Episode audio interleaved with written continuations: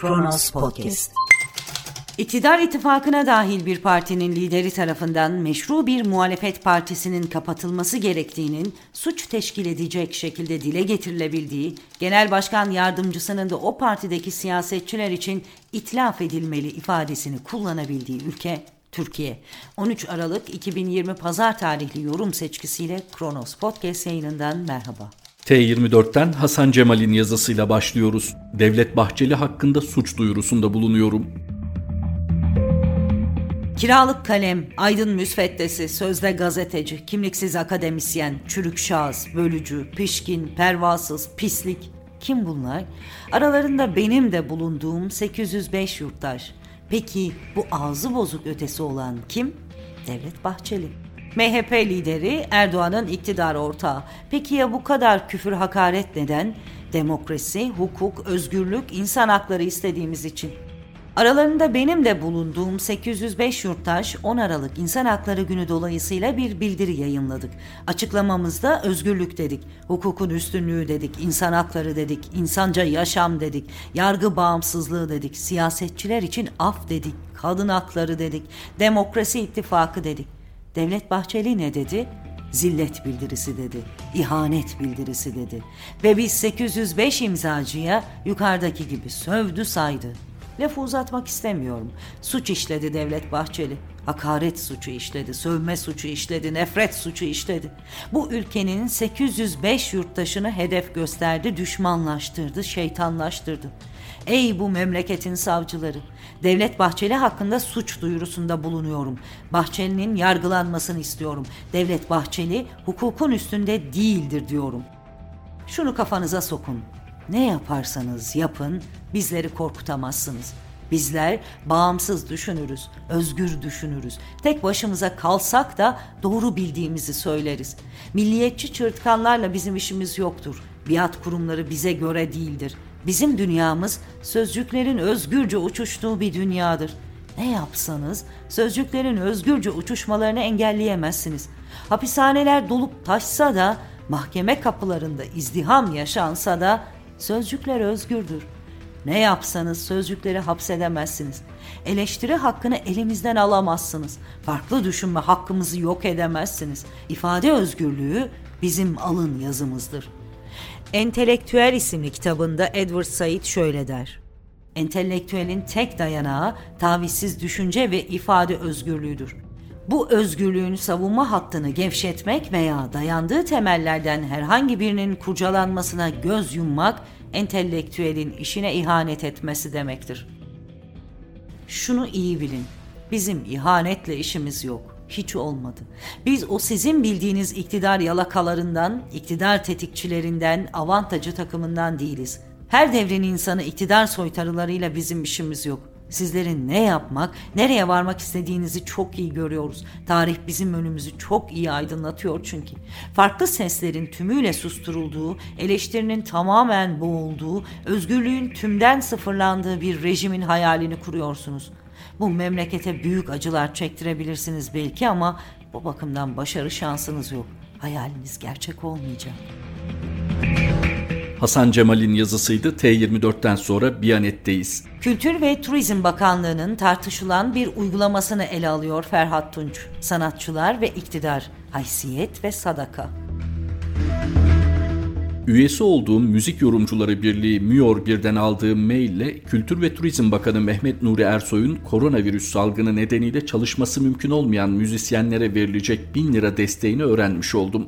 Bakan olan kişi üstelik bir proje karşılığında başvuruda bulunacak müzisyenlere 1000 lira ödemeyi taahhüt ediyor. İktidarın otoriter baskılarıyla hakkında açılmış onlarca davayla boğuşan, tutuklanan ve sürgünde yaşamak zorunda bırakılmış sanatçılardan, basılan ve kapatılan kültür merkezlerinden, sinema ve tiyatro salonlarından bahsetmeyeceğim. Türkiye'de pandemi süreciyle birlikte işsiz kalan ve evine ekmek götüremeyecek duruma düşen müzisyenlerden bahsetmek istiyorum.'' Elindeki enstrümanlarını satarak hayatta kalmaya çalışan müzisyenlerden, yine bu durumu onur meselesi yapıp intihar ederek hayatına son veren onlarca müzisyenden. İki yıldır sürgünde bulunduğum ülke olan Almanya mesela başvurulduğunda ayrım yapmaksızın her sanatçıya 5000 avro ödüyor ve ayrıca müzisyenlerin sağlık ve emeklilik sigorta giderlerini de üstleniyor. Künstler Sosyal Kas adlı kurumun üyesi olan her müzisyenin cüzi bir ücret karşılığında sağlık ve emeklilik ödemelerini rahatlıkla yapabiliyor. Almanya'da pandemi sürecinde olumsuz etkilenmemesi için sanat merkezleri, tiyatro ve konser salonlarına dönük özel önlemler alınıyor. Türkiye'de ise iktidar kendisini sanat ve sanatçıdan soyutladığı gibi bunları hedef almazsa koltuğunun sarsılacağını sanıyor. Zira politikaları sanatçıların kabul edemeyeceği kadar yalan, yanlış ve suç üretiyor. Kültür Bakanı adına yapılan bu açıklama bunun tezahürü ve adeta utanç vesikası. Sanatçısına sadaka dağıtmayı ve üstelik bunu bir proje bağlamında yapacağını belirtmesini utançla karşıladım. Hayatlarını üreterek geçirmiş onlarca sanatçının perişan bir hayat içinde oldukları biliniyor. Onurlu hiçbir arkadaşımız böyle bir utancın parçası olamaz. Bu sadaka önerisi elinin tersiyle sahibine aynen iade edilmelidir. Sanatçı haklarını korumakla mükellef meslek birliği kuruluşlarının bu çirkinliğe tepki göstermemeleri ve bu öneriyi üyelerine bir lütuf gibi sunmaları da üzücü, düşündürücü. Mesele devletten beklentide olmak, daha fazlasını beklemek değil. Sanatçılara yapılan bu saygısızlığı ifşa etmek. Herkesin hayatını idame ettirmeye ihtiyacı var ve dünyanın hiçbir yerinde sanatçılar bunun için bu denli zorlanmaz. Yaşadıkları ülkenin devletinden de bu aşağılayıcı muameleyi görmezler. Sanatçıyı açlığa mahkum eden bir devlet karanlığa mahkum kılmıştır kendini. Bu karanlığı sanatın ışığıyla aydınlatacağız.'' Ferhat Tunç imzalı satırlardı. Biyanet'ten sonra yeni Asya'dayız. İktidarın şu sıralar pek anmadığı 3 Y ile mücadele sözü vardı. Yolsuzluk, yoksulluk ve yasaklar. Faruk Çakır'ın yazısı. Yolsuzluğun hesabı ağır olur.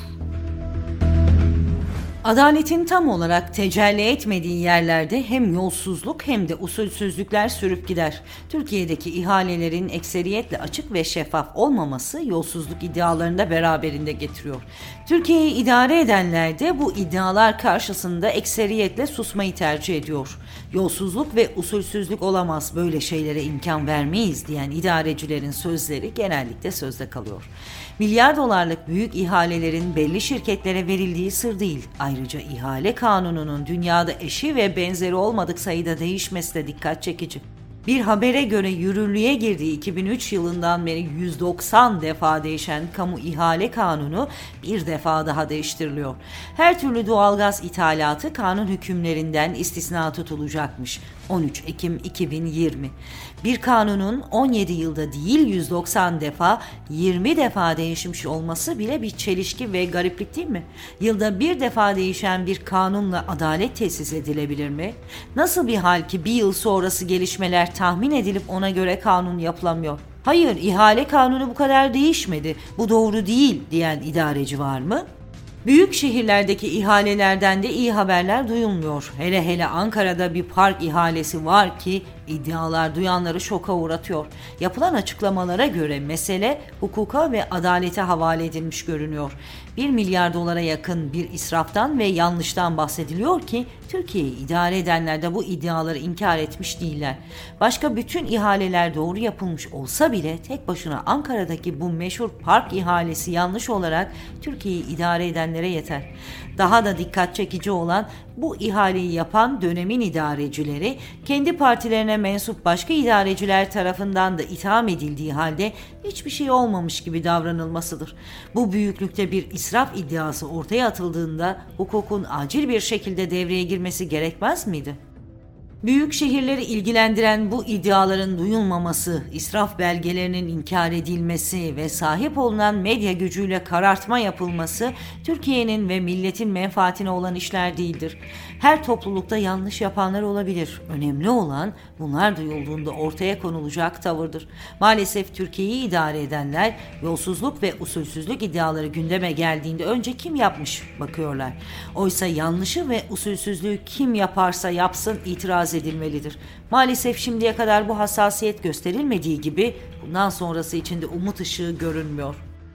Ancak şunu unutmamak gerekir ki benim yanlışçım iyidir tavrını takınanlar uzun dönemde kaybetmeye mahkumdur. Tüyü bitmedik yetimlerin hakkını yiyenler hesap vermeden bu dünyadan göçebilirler ama ahirette ince hesap vereceklerini unutmasınlar. Faruk Çakır'ın satırlarını aktardığımız Yeni Asya'dan Yeni Yaşam'a geçiyoruz. Yedincisi konuşulan varlık affı gündemde. Meselenin karanlık noktalarını detaylıca anlatan Mustafa Durmuş sonuç bölümünde varlık affı vergi politikaları büyük servet sahiplerinin hizmetinde diyor. Bilindiği gibi son torba kanunla yeni bir varlık affı getirildi. Öyle ki ülke vatandaşlarına ve kurumlarına ait yurt içinde ya da yurt dışında tutulan ancak Türkiye'de finansal sisteme sokulmamış bulunan kayıt dışı para, altın, döviz, menkul kıymet ve diğer sermaye piyasası araçlarının 30 Haziran 2021'e kadar Türkiye'deki banka veya aracı kuruma bildirilmesi halinde bu gerçek ve tüzel kişilere bu serveti nereden buldun sorusu sorulmayacak. Bu servetler üzerinden herhangi bir vergi alınmayacak ve herhangi adli bir soruşturma ya da geriye dönük vergi incelemesi de yapılmayacak. Bu düzenleme maalesef bu ülkede hem kriz dönemlerinin büyük servetlerin sahipleri için nasıl bir fırsata dönüştürüldüğünün bir kanıtı hem de 2004 yılında nereden buldun uygulamasına son veren siyaset anlayışının geldiği son nokta. Bu af bir kısım kara paranın aklanmasıyla sonuçlanacak. Böylece vergi cennetlerinde tutulan rüşvet, uyuşturucu satışı ve silah ticareti gibi faaliyetlerden ve her türlü vergiden kaçırılan büyük karlardan elde edilen servetler de dahil olmak üzere normalde ceza kanunu gereği suç teşkil eden faaliyetlerden elde edilen servetler aklanmış olacak. Böyle afların meşrulaştırdığı servetler borsa ve portföy yatırımlarıyla yasal olarak daha da büyütülecek. Ancak bunlar ülkenin karşı karşıya kaldığı finansal ve ekonomik sıkıntıları ortadan kaldırmaktan ve spekülatif atakları önlemekten ziyade yüksek kar ve politik rant içeren iş ve projelerde sonuçta daha fazla servet biriktirmek için kullanılacak. Bu arada mevcut ekonomik adaletsizlikler artarken ülke finansal krize bir adım daha da yaklaşacak. Bu durum siyasal iktidarın faiz lobisi iddiasının aksine sadece faiz politikalarının değil, vergi politikalarının da finans kapitalin kontrolüne girdiğinin, kriz fırsatçılığının devrede olduğunun açık bir ispatı. Sonuç vergi politikaları servet sahiplerine hizmet ediyor. Türkiye'de siyasal iktidar son torba kanunla daha önce 6 kez yaptığını bir kez daha yaptı. Çıkardığı varlık affıyla yurt dışındaki vergi cennetleri olarak da tabir edilen merkezlerde yıllardır tutulan ve yaklaşık olarak 150-200 milyar dolar civarında olduğu tahmin edilen kayıt dışı servetlerin Türkiye'ye getirilip sisteme sokulmasını amaçlıyor. Bunun ülkenin yapısal cari açığını ve tasarruf açığını kapatmak, acil döviz ihtiyacını gidermek ve reel yatırımları artırmak için kullanılacağı ileri sürülse de bu gerekçe tatmin edici değil. Çünkü öncelikle bu operasyon ciddi düzeyde bir kara para aklamayla sonuçlanacak. İkinci olarak bu servetlerden hiçbir vergi alınmayacak ya da herhangi bir vergi incelemesi yapılmayacak. Böyle olunca da ciddi bir vergi gelir kaybı yaşanırken ülkenin kendisi büyük servet sahipleri için vergi cennetine dönüşecek.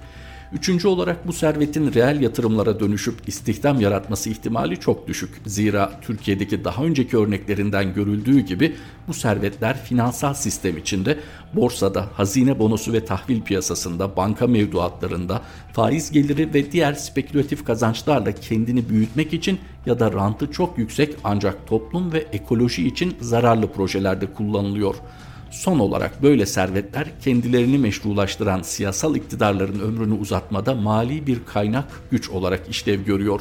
Özetle varlık affını borsa ve hazine bonosu gelirlerinden hiç vergi alınmaması, mevduat faizlerinden alınan verginin asgari ücretlinin ödediği faizden daha az olması, gelecek yıl sermayeden alınmayacak olan yaklaşık 231 milyar liralık vergi, pırlanta ve külçe altından alınmayan katma değer vergisi ve özel tüketim vergisi, milli piyango şans oyunlarından alınmayan katma değer vergisi, buna karşılık ekmekten, etten, çocuk mamasından, gazeteden, elektrik ve doğalgazdan %18'e kadar alınan katma değer vergisi ve gübre, petrol, sigara ve alkollü içeceklerden alınan çok yüksek özel tüketim vergisi ve son günlerde gündeme getirilen ve bazı büyük şehir belediyelerinin eski yöneticilerine ilişkin milyarlarca liralık yolsuzluk dosyalarıyla birlikte ele almak gerekiyor.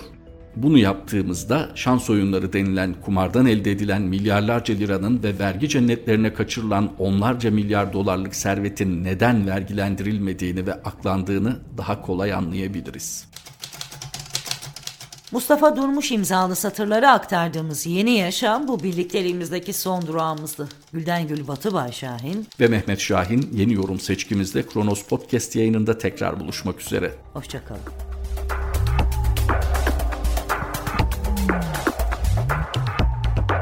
Kronos Podcast